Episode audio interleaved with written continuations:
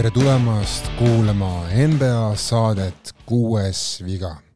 kõige äraolevam NBA saade Eestis, sest ma vaatasin Spotify'd ja seal vaatas mulle vastu, et viimane kuuenda vea ekstra saade oli teisel juulil, sellest on möödas peaaegu kaks kuud ja on ütlemata viimane aeg, et tuua teile uus osa. aga miks ei ole vahepealsel ajal olnud uut osa, on puhtalt sellepärast, et esiteks nüüd hirmus palju uudiseid ei ole olnud, aga siiski piisaval määral, et teha lõpuks üks saade, enne kui NBA treeninglaagrid algavad seal septembri lõpus ja oktoobri alguses. ja teine põhjus on niisugune puhtalt olmeline, et olen küll tegelikult teinud paar saadet purki, aga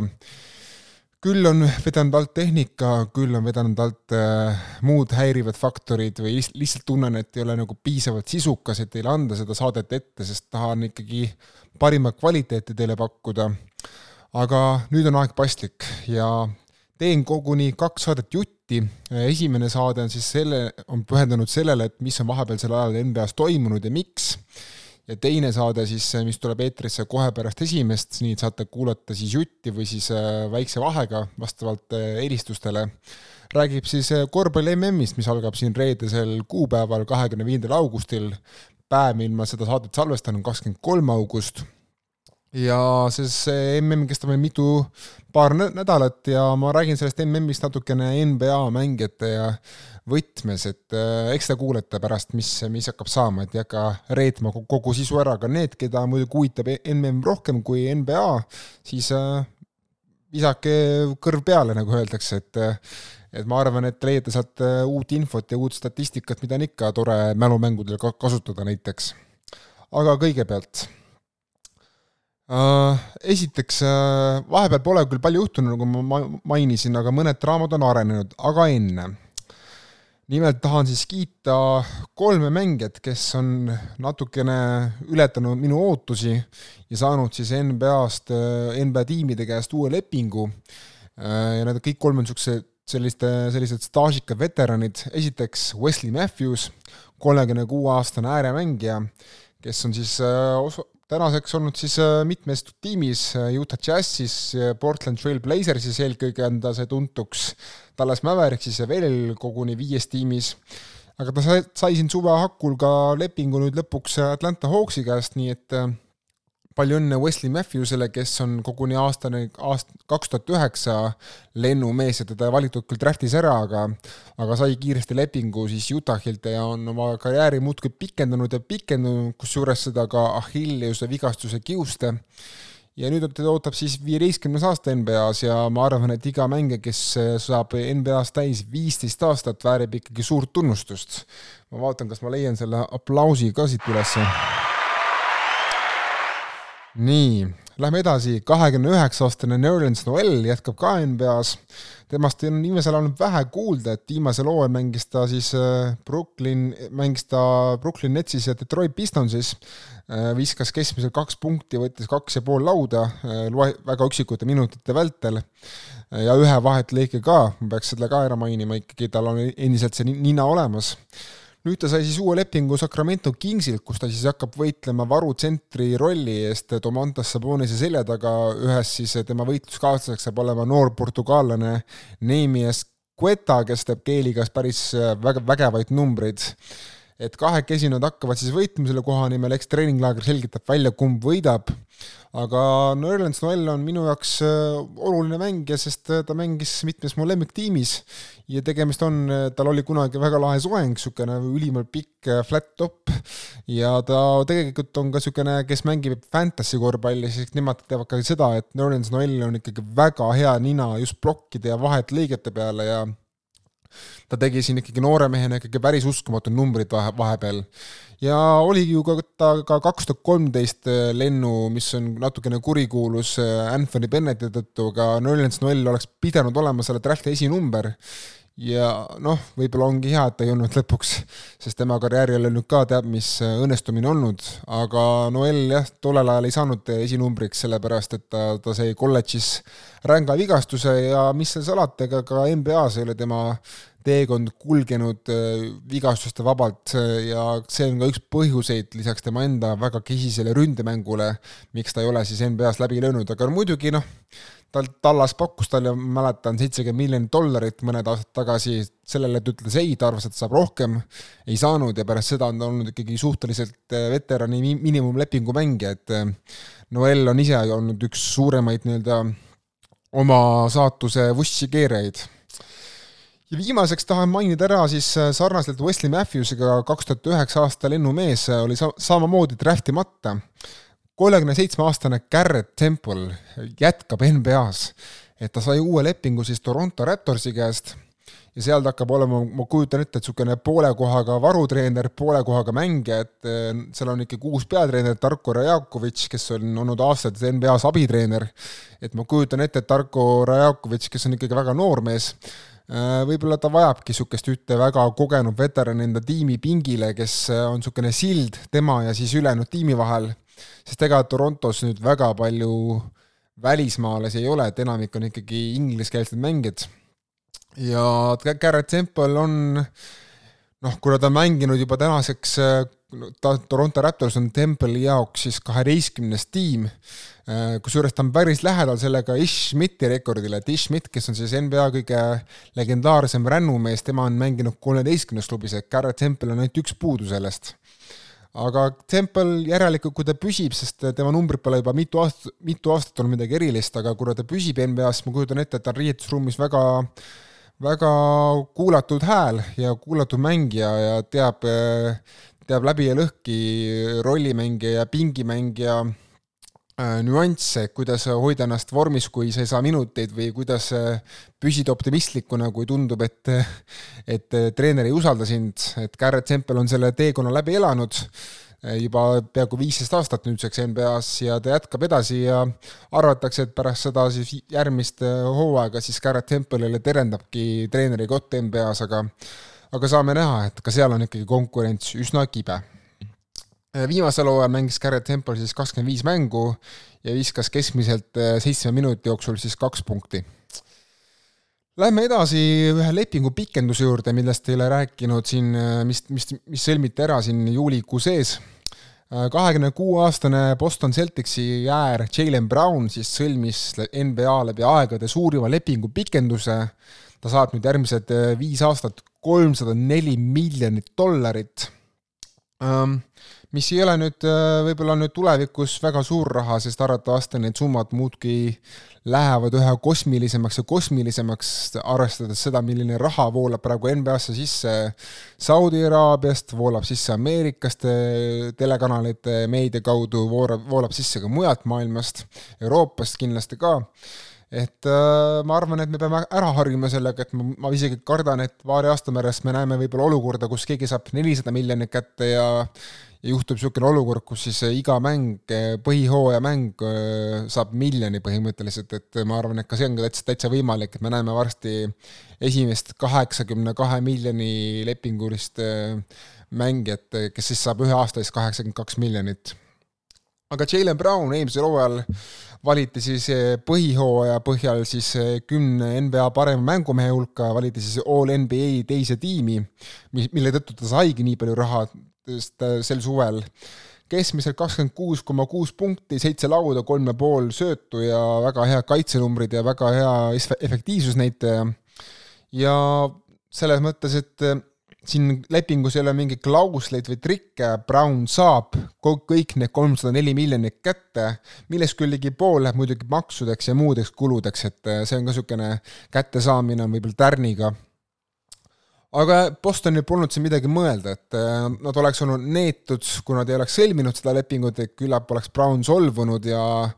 oleks lasknud sellel tiksuda kuni suveni välja, kust oleks saanud vaba agendiks ja oleks saanud ikkagi päris korralikult Boston Celticsi juhtkonda praadida. ja selles mõttes, et kindlasti noh, või on õigustatud küsimus, et kas Brown on väärt nii palju raha, sest äh, see oli praegu Browni jaoks ikkagi esimene aasta, kus ta üldse sai All NBA rivistusse ja seda ka suuresti selle tõttu, selle tõttu, et ta lihtsalt vastupidavam kui mitmed teised staarid. et äh, aga siin ongi noh, ma ütleksin, et praegu ongi NBA tiimide poliitika see, et, et jah, et maksa natuke üle, küll pärast saad vahetada ära ta millegi vastu, et et ja ma millegipärast arvan, et ega siin Boston küll ei plaani vahetada Browni kuhugi lähiajal ära, sest minu enda kahtlus on see, et pärast Markus Smarti vahetustehingut, mille käigus siis Smart lahkus Memphisesse ja Kristaps Porzingis tuli Bostonisse, kellel on juba praegu uued tervisehädad, ma arvan, et Jalen Brownist kujuneb uus Boston Celticsi nii-öelda riietusruumi liider, niisugune tõeline kapten, sest ta on nüüdseks siis nüüd pärast Marti lahkumist on ta tiimi staažikam mängija, ta on olnud Bostonis juba seitse aastat, nüüd tuleb siis kaheksas aasta, ta on olnud iga aasta play-off'is ja noh, selles mõttes, et teatavasti Bostonil viimased seitse aastat ei ole üldse kehvasti läinud play-off'is, et peaaegu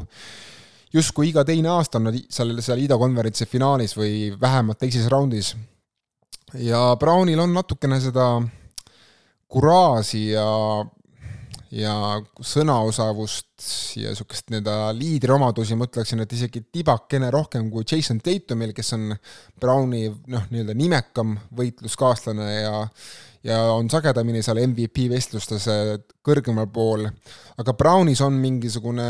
mingisugune nii-öelda X-faktor, mida võib-olla Tatumis on natukene justkui vähem, kuigi Tatumil, kuigi Tatum on parem talent ja parem mängija, siis Brownil on eriti just neljandal veerandil, ma vaatan play-off ides, on Brownil kuidagi rohkem otsustavust tavaliselt kui Tatumil. aga ma ütleksin, et arvestades Bostoni senist ajalugu, siis ma ütlen, et jällegi siin pole midagi mõelda, õige leping õigele mehele, kõik otsivad praegu tikutulega taga neid kahekümnendate keskel olevaid ääremängijaid, kes suudavad, kes suudavad kaitsta mitut positsiooni, suudavad mängida mitut positsiooni, on laialdaste play-off kogemustega, on olnud edukad mängijad juba mitu aastat järjest, on järjepidevad, saavad igal aastal natuke paremaks, et äh, Brownil on omad hädad küljes, et tal on väga kehv pallikäsitsus ja noh, ütleme nii, ikka tegelikult platsi nägemine annab, annab ikkagi soovida NBA staari kohta, aga väga-väga-väga raske leida NBA-st Browni kaliibriga ääremängijaid, et et millegipärast ma arvan, et see leping ikkagi Bostonit ei hakka hammustama, et pigem on see suurem risk, on Malcolm Brockton ja Kristaps Porosingis, kellel on juba aastaid ja aastaid olnud suured tervisehädad alati küljes. Lähme edasi siit, äh, Oklahoma City Thunder praegu lõikab järjest mehi, et äh, nad lõikasid nüüd viimase paari nädala jooksul oma tiimist välja siis äh, Rudy Gay, Tai-Tai Washingtoni ja Usman Garuba ja miks nad seda tegid, põhjus on väga proosaline, neil on lihtsalt liiga palju mehi lepingu all. Et äh, NBA reeglid näevad ette seda, et treeninglaagrisse või sa võid tuua kuni kakskümmend üks mängumeest, nende seas on ka kolm meest, kes on siis two-way lepingu all, ehk siis see leping, mis nüüd jaotab mängijad G-liiga ja NBA vahel ja OKC palkas siin vahepealsel ajal siis Lindy Watersi, kes on juba olnud OKC-s juba mitu aastat, ja Oliver Sarri, mõlemad siis two-way lepingutele. ja järsku oligi OKC-l kohtadega kitsas käes enne treeninglaagrit. Ja paraku jäid selles kohalahingus kaotataks siis Rudy Gay ja äh, soodsa vahetustehingu käigus OKC-sse tulnud Garuba ja Washington ja ega sellega pole ju see kärpimine lõppenud, et OKC peab veel kolm meest nüüd kärpima treeninglaagri ajal, äh, sest neil on äh, kaheksateist meest praegu siis nii-öelda põhitiimi lepingu all. tõenäoliselt peavad siit uut kohta ots-, hakkama otsima siis möödunud play-off'is äh, ränga vigastuse üle elanud Victor Oladipo, Austraalia koondise ääremängija Jack White ja kolmas mees on praegu lahtine, et küllap see on mõni noorem mängija, kas Trey Mann või Jeremiah Robinson Earl, on minu kahtlus, aga saab näha, kumb, kes see siis lõpuks on, et tegelikult on ka muud variandid äh, võimalikud, et äh, Thunder võib siin mõne vahetustehingu veel ka teha enne hooaja algust. lätlane Davis Bertans, ma arvan, et jätkab Thunderis, sest tal on päris paindlik ja niisugune mõnusalt, äh, mõnusalt noh, krõbe, aga siiski mitte liiga krõbe leping, et ta teenib noh, niisugune ta, ta teenib täpselt piisavalt, et ta panna vahetustehingusse, kus siis Oklahoma väga väga arvulise draft-pikkide armeega, et ma arvan, et Bertansi ja umbes kuue drafti valiku eest võib saada midagi väga magusat, eriti kui sa paned veel näiteks mõne noore mängija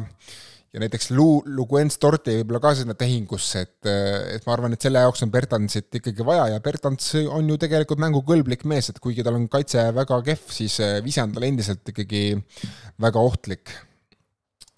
aga natukene siis ka nendest meestest, kes, kes said hundipassi, noh, Rudy Keiga pole eriti midagi rääkida, et kolmekümne seitsme aastane ääremängija, äh, kes tegi oma suured tegused ikkagi juba kümme pluss aastat tagasi Memphises ja Torontos ära, kahekordne korvpalli maailmameister kusjuures, kaks tuhat kümme ja kaks tuhat neliteist,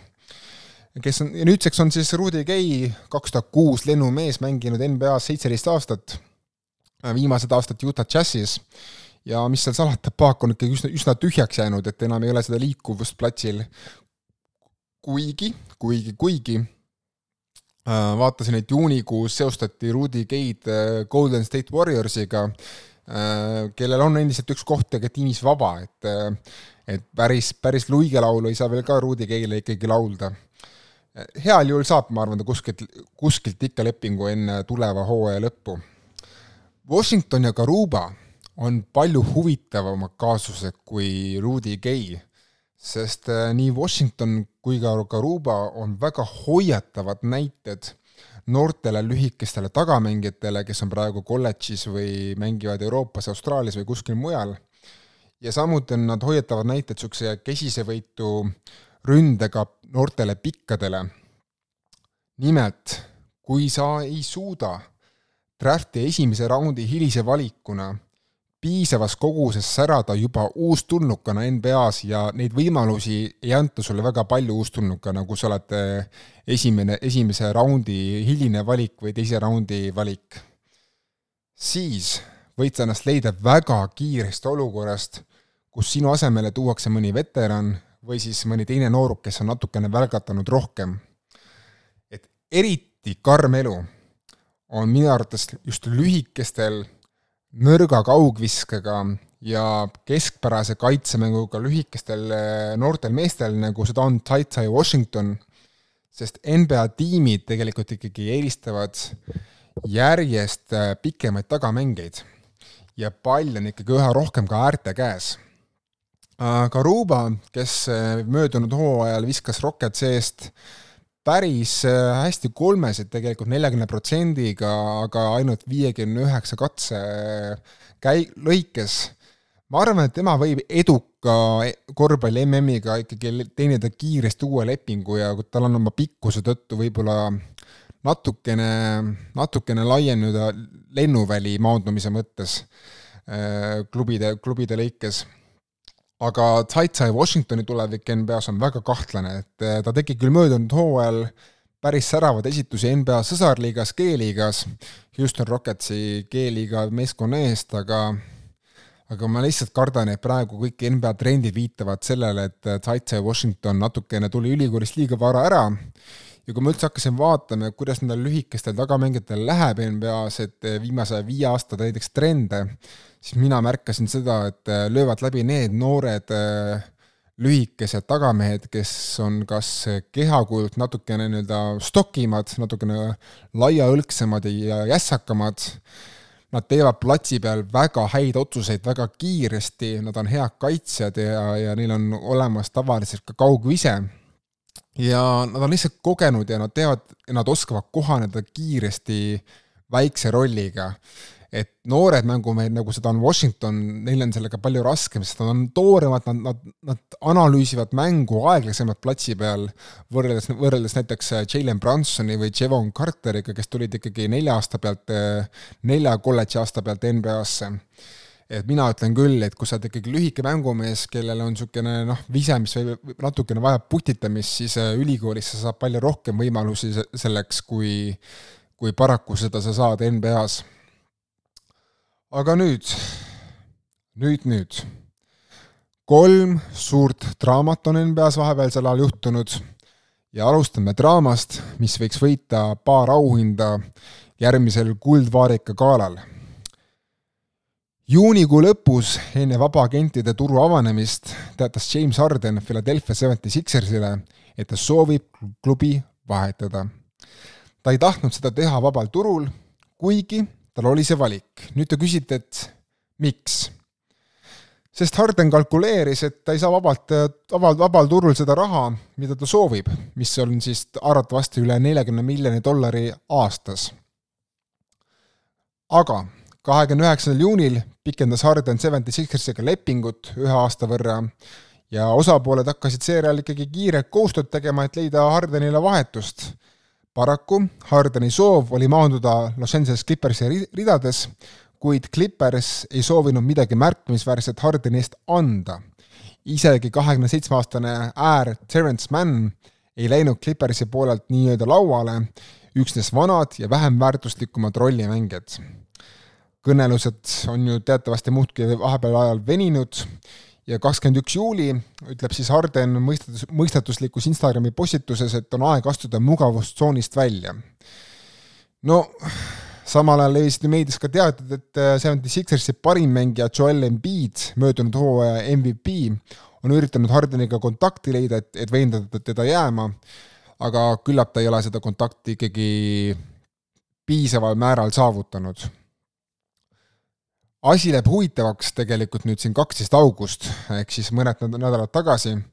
kui Seventy Sixers teatab, et äh, nad enam ei müü Hardenit, nad tahavad minna Hardeniga edasi, sest kaks päeva pärast seda teadet teatab Harden Hiinas, et Daryl Morey on valetaja ja ta ei mängi enam mitte kunagi ühegi organisatsiooni eest, kus Daryl Morey töötab no loomulikult see vallandas sündmuste ahela ja ma mäletan, et kui ma ise ärkasin siis kolmteist august eh, siin Tallinnas ülesse ja nägin seda, nägin seda James Hardeni sõnavõttu Twitteris, äh, sellest oli lev-, levinud mingi video, kus siis Harden oli tõesti kusagil laagris ja ja vastas fännide küsimustele, korraks mõtlesin, et see ei saa olla fake. või noh, kas, kas see on fake? ja siis noh, sain ikkagi igalt poolt kinnituse, et see ei ole fake, lihtsalt see, ma hakkasin mõtlema, et kas mul ei tulnud pähe mitte ühtegi, mitte ainsamatki võrreldavat juhtumit, kus meeskonna staarmängija viskab oma peamänedžeri niivõrd jultunult, niivõrd rängalt bussi alla. et tõsi, on olnud ju päris suuri konflikte treenerite ja mängijate vahel noh, võib ka vaielda, et Kyrie Irving ja Kevin Durant olid siin eelmisel suvel raksus äh, Netsi peamänedžeri Sean Marksiga, aga see oli natuke teistmoodi ja üleüldse kõik draamad Kyrie Irvinguga natuke teistmoodi ja ma mõtlesin veel, et kes, mis on veel võib-olla võrreldav nagu nähtus, siis Dwight Howard oli, oli seal kahe tuhandete lõpus, kahe tuhande kümnendate alguses oli, oli, tegi väga huvitavaid intervjuusid meediaga Orlando Magicu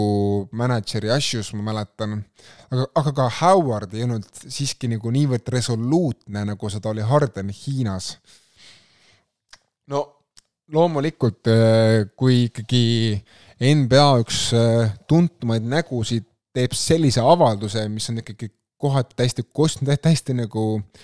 kummastav just selles võtmes ka, et noh, me räägime James Hardenist ja Daryl Morrist, et justkui murdmatu paar. aga see vallandas sündmuste ahela ja levisid ju spekulatsioonid, mida Harden siis mõtleb valetamise all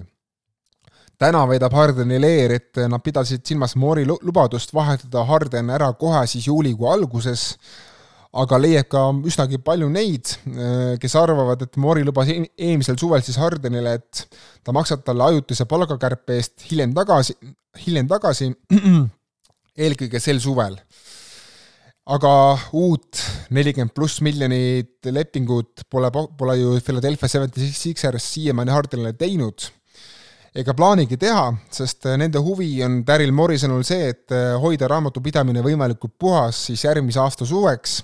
mil Seventy Sixersil on siis lepingu all sisuliselt ainult Joel Embiid ja staari potentsiaaliga noor tagamängija Tyrese Maxi. ja kõik ülejäänud kohad on, on justkui vabad. aga kui praegu Philadelphia sõlmiks uue maksimumlepingu James Hardeniga, siis oleks see vaba mänguruum just rahalises mõttes ikkagi päris ahtake kes on siis vabakindid kaks tuhat kakskümmend neli suvel? näiteks Lebron James,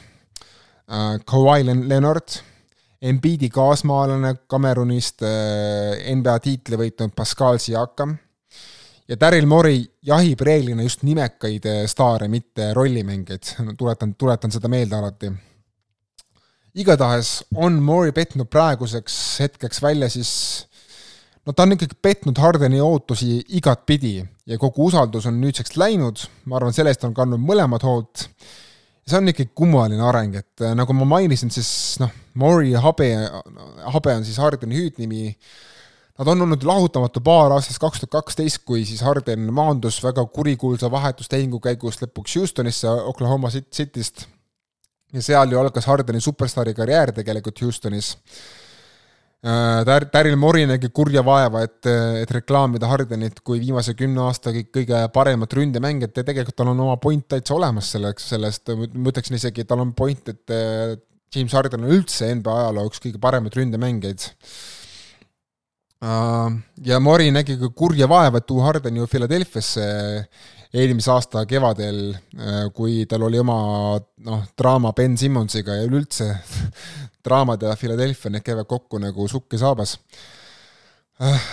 aga jah, Harden usaldas Moorit eelmisel suvel palgakärpega, et tiim saaks tugevamaks ja tuua Hardenile appi siis vanad kamraadid Houstoni päevilt, PG Tucker, Daniel House ja Montrezl Harrell, kõik vanad Rocketsi mängijad.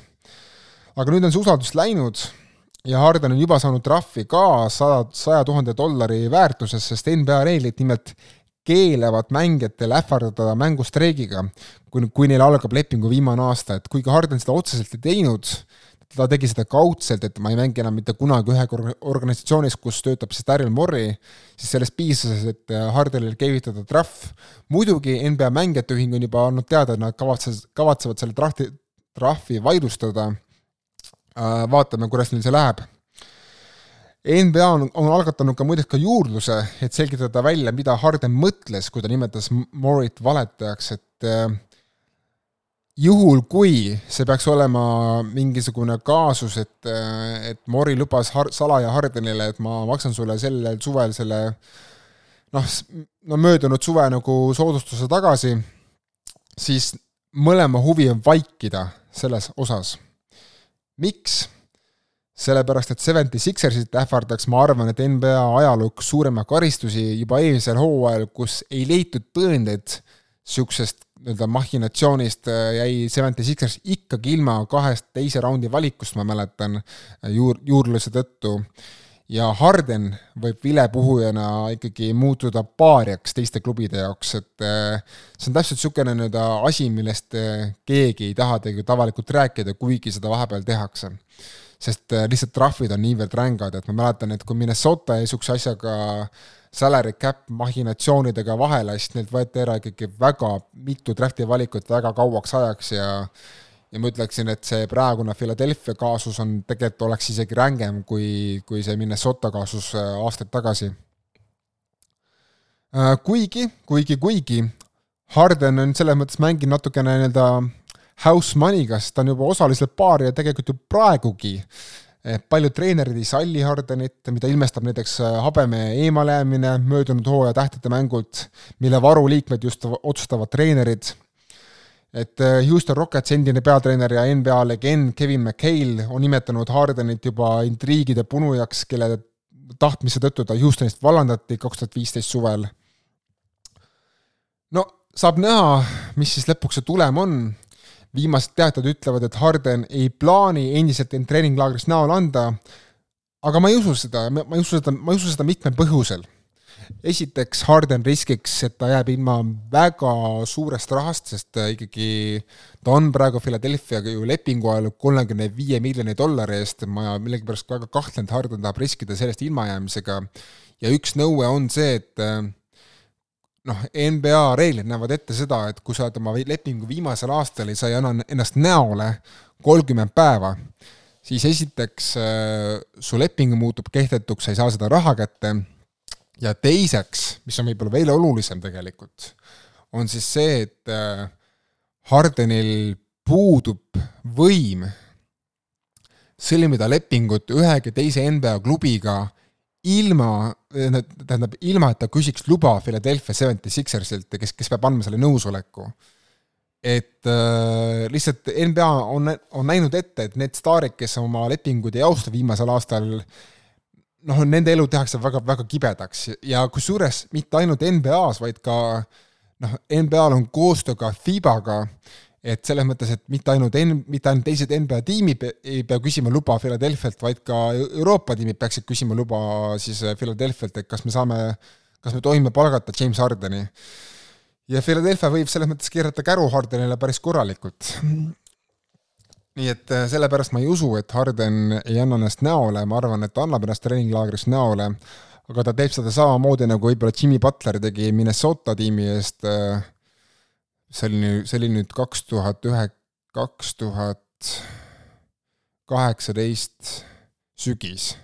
kus siis Jimmy Butler oli Minnesotas ja kus ta tuli treeninglaagrisse ikkagi väga bravuurikalt, eh, tegi seal treeninglaagri esimeses eh, treeningmängus eh, väga veenvalt pähe siis Carl Anthony Townsile ja Andrew Wigginsile, ma mäletan, seal karjus igasugu roppusi ja, ja sõimas kõik, kõiki mängijaid enda ümber ja kõiki treeningliik-, kõiki neid saalis olnud noh, treenerid, pärast seda läks ta kohe tele-eetrisse ja, ja andis väga värvika intervjuu Rachel Nicholsile ESPN-is ähm,. Nii et selles mõttes, et äh, ma arvan, et Harden võib kasutada seda Jimmy Butleri taktikat, et teha, tekitada sellel treeninglaagris niivõrd raju draama, et isegi klubi omanik sunnib siis lõpuks äh, mänedžeri mängijat müüma on teada ka see näiteks, et Ramona Shelburni sõnul on siis, et äh, Harden plaanib teha Daryl Moore'i elu veelgi ebamugavamaks. kuidas täpselt Harden seda teeb, ma arvan, me näeme siin loetud päevade või nädalate jooksul. üks remark veel. see, et James Harden nimetas Morit valetajaks just Hiinas olles, see ei olnud juhus. kes vanu asju ei mäleta, siis ma annan ühe meelde, meeldetuletuse ka Mori säutsus Twitteris aastal kaks tuhat üheksateist enne NBA põhihooaja algust, äh, kus siis paljud äh, NBA tiimid olid, kusjuures pida-, pidasid veel näidismäng äh, Hiina publiku ees, et vabastage Hongkong Hiina võimu alt. Ja mälet-, mäletatavasti see tekitas ikkagi NBA-l väga palju paksu verd Hiina päritolu ettevõtetega ja suurte korporatsioonidega, kes katkestasid siis kõik üksteise järel oma sponsorlepinguid NBA-ga ja ei näidanud enam näiteks Rocketsi mänge üldse hiinlastele ja lisaks ka vähendasid oluliselt ka muude tiimide ülekan-, ülekantavaid mänge. Äh, Murray ise muutus Hiinas kusjuures sõimusõnaks. Harden, kes tegi selle avalduse Hiinas, et Daryl Murray on valetaja, temal läheb nüüd praegu Hiinas väga hästi. näiteks paar päeva pärast seda avaldust äh, tegi ta live stream'i kusagil sotsiaalmeedia platvormil ja loetud minutitega osteti ära siis kümme tuhat Hardeni nimelist veini ja tema nänn on ka, ma kuulen, et popim kui kunagi varem äh, olnud, et isegi, isegi Ameerika näitajad jäävad praegu ikkagi kõvasti-kõvasti alla. Harden ise, kusjuures on, on seda olukorda ka võimendanud, seda Hiina olukorda kommentaariga, et tal poleks midagi selle vastu, et tulevikus Hiinas mängida. aga ma ei usu, et ta seda lähiajal tahab teha, sest praegu on Hiina meistriliiga selles mõttes kõlbmatu variant, et äh, seal ei lubata maksta kellelegi rohkem kui paar miljonit dollarit ühe hooaja eest, mis on ikkagi väga, väga kõva langus NBA summadest. Aga mine tea, äkki teeb Hiina kossuliit paar reeglimuudatust Hardeni jaoks. mida mina soovitaks Hardenile, on see, et no ma soovitaks äh, kõige lihtsam viis saada Philadelphiast välja, sa saada hea leping, on ikkagi see, et et tule treeninglaagrisse Äh, mängi nii hästi, kui sa saad oktoobris ja novembris ja küll mõni täbaramas seisus klubi võtab su endale detsembrikuus, et äh, see oleks minu soovitus. Aga ma arvan, et tegelikult see niimoodi ei lähe, sest Harden on, ma arvan, kujutan ette, korralikult vihane selle Philadelphia satsi peale ja mina arvan, et ta kasutab äh, sarnaseid taktikaid, nagu ta kasutas Houstonis ja Brooklynis paar aastat tagasi. ehk siis ta mängib treeninglaagris ja ja hoo, põhihooaja alguses niivõrd kehvasti um, Philadelphia eest, et see, kogu see olukord muutub väga, väga, väga piinlikuks kõigi jaoks ja omanik ise, Josh Harris, ma arvan, muutub niivõrd vihaseks, et ta lihtsalt käsib Daryl Morril kas Harden eemaldada tiimi juurest pikaks ajaks või siis saata ta ära, saab näha, kumb, kumb lõpuks see variant on, aga, aga, aga ma arvan, et läheb pigem niimoodi. Ja muidugi peab Philadelphia olema väga ettevaatlik, sellepärast et see, kuidas nad selle jama lahendavad, sellest võib sõltuda sellest see, kas Joel Embiid näeb, näeb oma tulevikku Philadelphia ridades või mitte, sest äh, Embiid andis siin ka juulikuus intervjuu, ma ei mäleta, kellele ta selle andis, aga ta ütles, et äh, minu eesmärk on võita tiitel kas Philadelphia's või kuskil mujal, vahet pole. Äh, aa, ta andis selle Maverick Carterile kuskil telesaates igatahes see kommentaar, et ma ta-, tahan võita tiitlit kas Philadelphia's või kuskil mujal, vahet pole, see tekitas ka ikkagi päris korraliku meediatormi USA-s. ja noh, kui ikkagi Embiid näeb, et alates sellest Jimmy Butleriga veedetud aastast, aastal kaks tuhat üheksateist,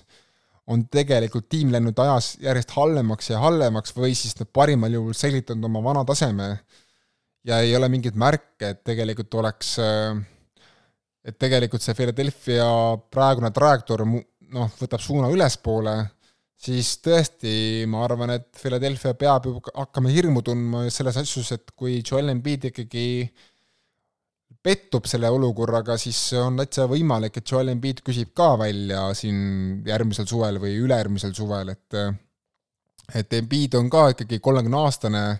on mänginud NBA-s peaaegu juba nüüdseks, no on olnud NBA-s peaaegu kümme aastat, mänginud seitse aastat, aga Joel Embiid äh, ei ole niisugune kõige, kõige kannatlikum mängumees maailmas, et äh, ta on ikkagi korralikult temperamentne tüüp ka. ja ma täitsa usun tema seda juttu, et äh, tegelikult pole vahet, kus ta selle võidab, et tema, tema tahab tiitlit võita ja ma arvan, et kogu see draama ja rivaliteet Nikola Jokic'iga olukorras, kus Jokicil on nüüd juba kaks MVP-d ja paljud arvavad, et Jokicilt varastati kolmas MVP ära ja lisaks ta sai nüüd tiitli, siis äh, Joel Embiidil on kõva motivatsioon noh, maksimeerida oma ülejäänud head aastat, et, et jõuda sinnasamale pügalale, kus on Jokic äh, või jõuda talle natu-, natuke järgi, sest praegu on küll ikkagi Jokic äh, päris mit-, mitme ringiga läinud Embiidil eest ära aga lähme edasi teise draama juurde, et pro-, proovime siin praegu, saade on kestnud kolmkümmend kuus minutit, proovime viiekümne minutiga hakkama saada. võtame ette järgmise draama, Damien Lillardi draama, siin pole kuupäevade nimetamine eriti oluline võrreldes Hardeni skandaaliga, sest vahepealse ajaga on juhtunud nii palju, et Lillardi agent on teinud endale margi täis, üritades siis meediat, meediat uputada sõnumitega, et Lillard tahab minna Miami'sse ja ainult Miami'sse selle peale saatis NBA juhtkond juuli lõpus memo kogu liigale, kus ähvardati nii Lillardit kui ka ta agenti, et kui üks selline avalik signaal või sõnum tuleb veel, siis ootab ees ikkagi päris soolane trahv. ja pärast seda on olnud ka vaikus, et, et Lillardi agent on, on nüüdseks küll eiranud või noh, ta, ta, ta mitte eiranud, vaid ta ütleb, et tema pole öelnud teistele tiimidele, et ärge et ärge tooge Lillardit enda, enda tiimi, sest ta oleks seal, ta oleks seal kurb ja vihane ja ta, ta, ta, ta tahab minna ainult Miami'sse, samas NBA ise ütles oma memos, et eh, nad on natuke rääkinud teiste tiimidega ja ikkagi noh, mingi tõepõhi on seal all, et eh, midagi on see agent ikkagi teinud, et teisi tiimi hirmutada. Ja sellepärast ei ole ka Portland Trail Blazers väga häid pakkumisi Lillardi eest siiamaani saanud ähm,. aeg-ajalt äh, lekivad ka infopailid või noh, niisugused säutsud, mis viitavad, et Lillardi agent pole rahul Blazersi tegevusetusega, aga ma küsin vastu, et kuhu on Blazersil kiiret? nii külmalt, kui see ka ei kõla, võivad nad endale lubada ootamist. sest kui ma vaatan Lääne konverentsi, see on täielik tapluste tallermaa kaksteist tiimi üritab play-off'i saada ja Blazersit ootab ees ikka igal juhul väga pikk protsess, et koostada uus võitlusvõimeline tiim ümber kahe talendika nooruki, tänavuse drafti kolmanda valiku Scoot Hendersoni ja ja Shaden Sharpi ümber. Ja tujutu Lillard ei anna Blazersi noorele tiimile ju piisavalt palju võite juurde, et rikkuda ära nende siis tankimise ambitsioone, et neil pole nagu nad võivad lubada endale ootamist, sest Lillard on lepingu all veel neli aastat ja neil pole tõesti mitte kuhugi kiiret, et Philadelphia on see, kel, kellel on kiire, sest Harden on lepingu all ainult üks aasta veel. seevastu Miami Heat, noh, me teame kõik, et nad kaotasid suvel kaks play-off'i põhitegijat, Max Trussi Clevelandi ja Gabe Vincenti Los Angeles Lakersisse, tõsi, Tyler Hirro kindlasti suudab asendada Max Trussi tootlikkust, et mitte öelda seda üle teha ja Josh Richardson, kes toodi suvel tagasi Miami'sse pärast äh, Richardsoni mit-, mit-, mitmeid seiklusi mujal, on ka mees, kes suudab kanda natukene päris olulist vastutust mõlemal pool platsi. aga vaid ma ütleks, et paadunud Miami Heat optimist usub, et äh, Richardson ja Tyler Hero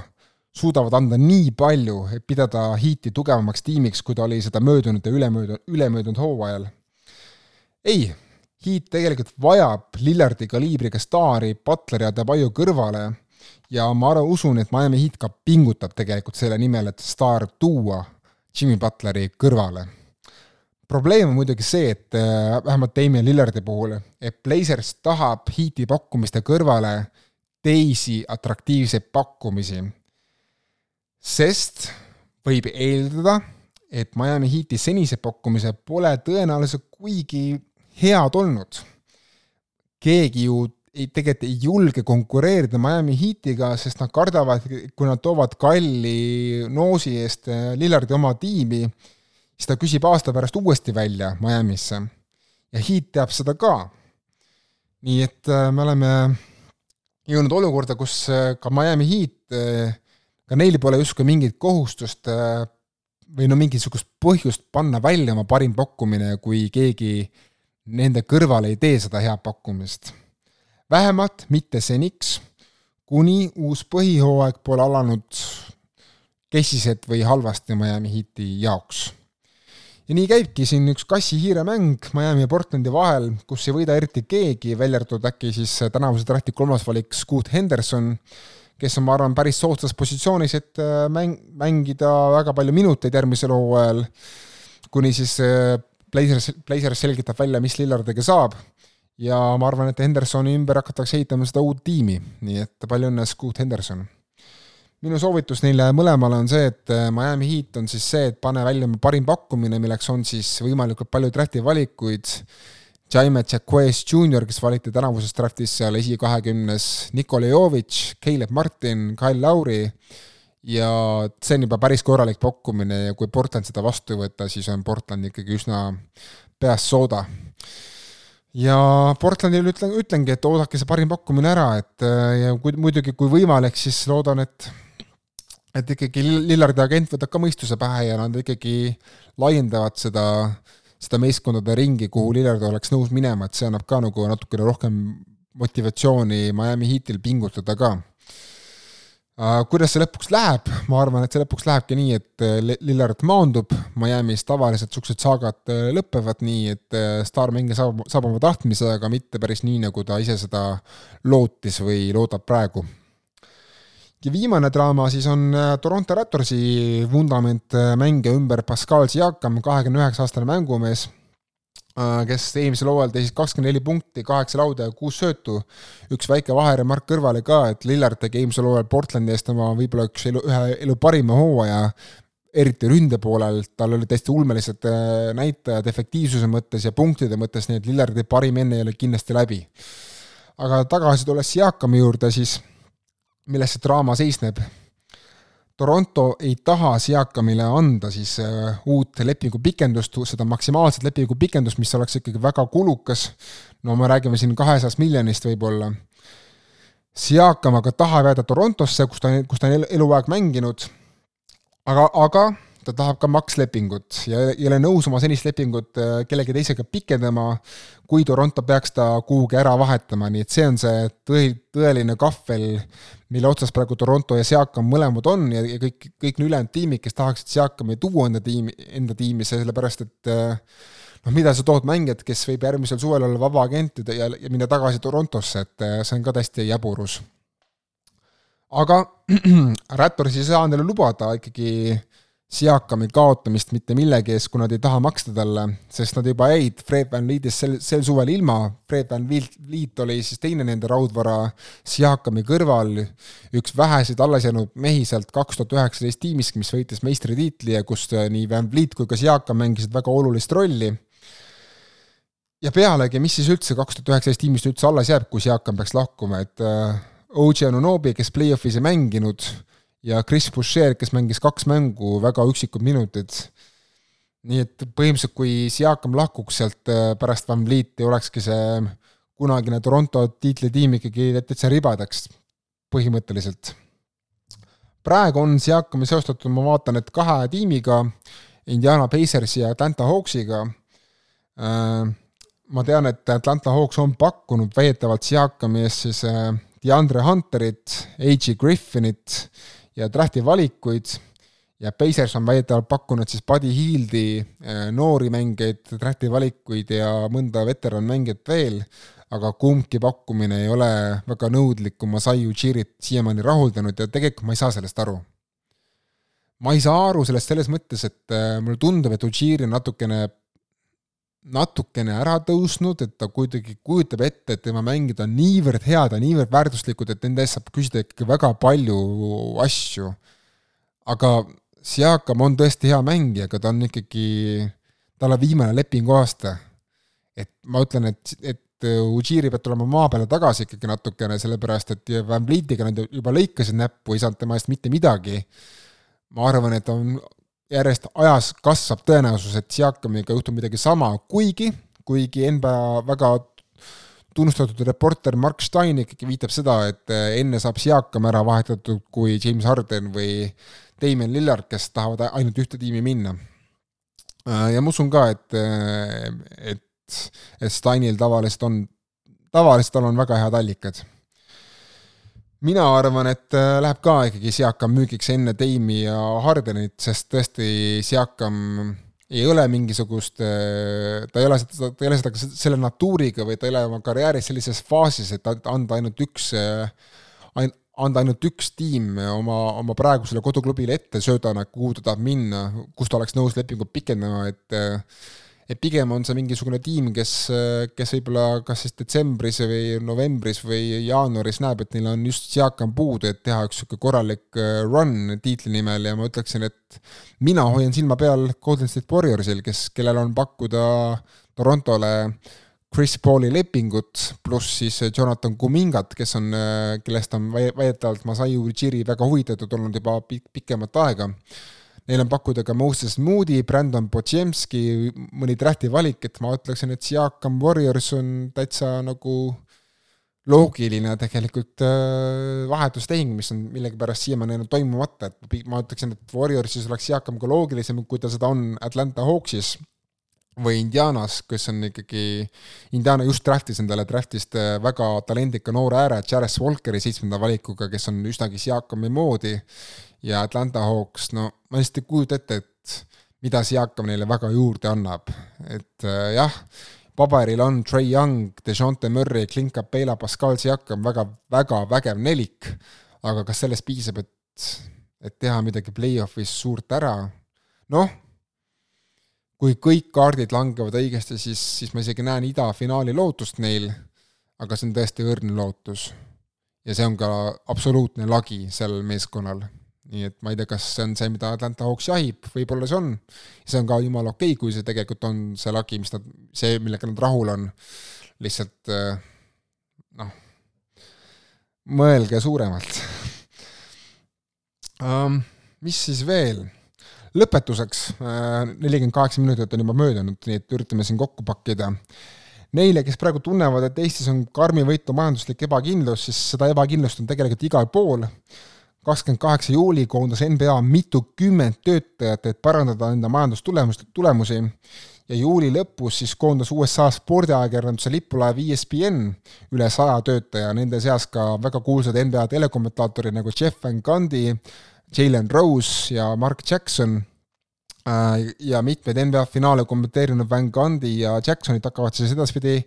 eetris asendama tuntud NBA peatreener Doc Rivers, kes nüüd on jäänud töötuks lõpuks, ja tuntud teleajakirjanik Doris Burke ja me ma ise vägagi ootan seda koostööst Doris Burke, Doc Rivers ja Mike Breen, sest ma arvan, et Jackson ja Van Gundy olid oma aja ära elanud, eriti Mark, eriti Mark Jackson, kes ei pakkunud mitte midagi uut sinna telekommentaari, vaid pigem ainult, ainult niisugust mingisugust nõmedat nostalgiat, mis enam ei olnud üldse naljakas või kuidagi lohutav, vaid lihtsalt tüütu.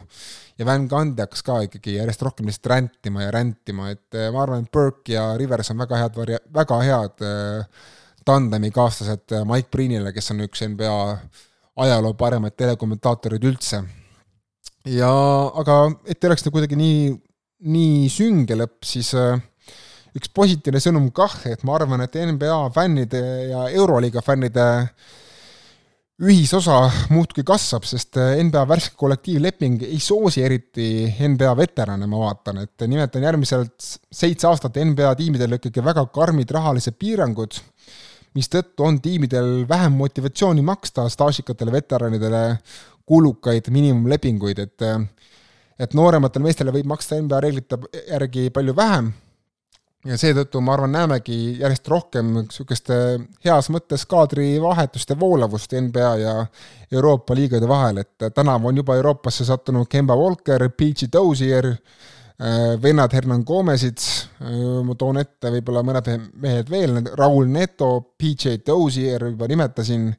Willie Cauley-Stein, neid mehi tuleb veel, äkki Terence Ross näiteks, et äh, ma arvan, et see niisugune verevahetus ikkagi hoogeneb, kuniks NBA saab endale kaks uut tiimi juurde aastal kaks tuhat kakskümmend viis ja kaks tuhat kakskümmend kuus. Ähm, ja see on kõik, nautige suve lõppu Kossu MM-i, mis algab varsti ja tuletan meelde, et järgmine osa räägibki Kossu MM-ist. kergejõustiku MM on praegu ETV kahes väga nauditav igal õhtul. Äh, nautige üksteise seltskonda, nautige viimaseid grilliõhtuid ja peatse kuulmiseni, tšau!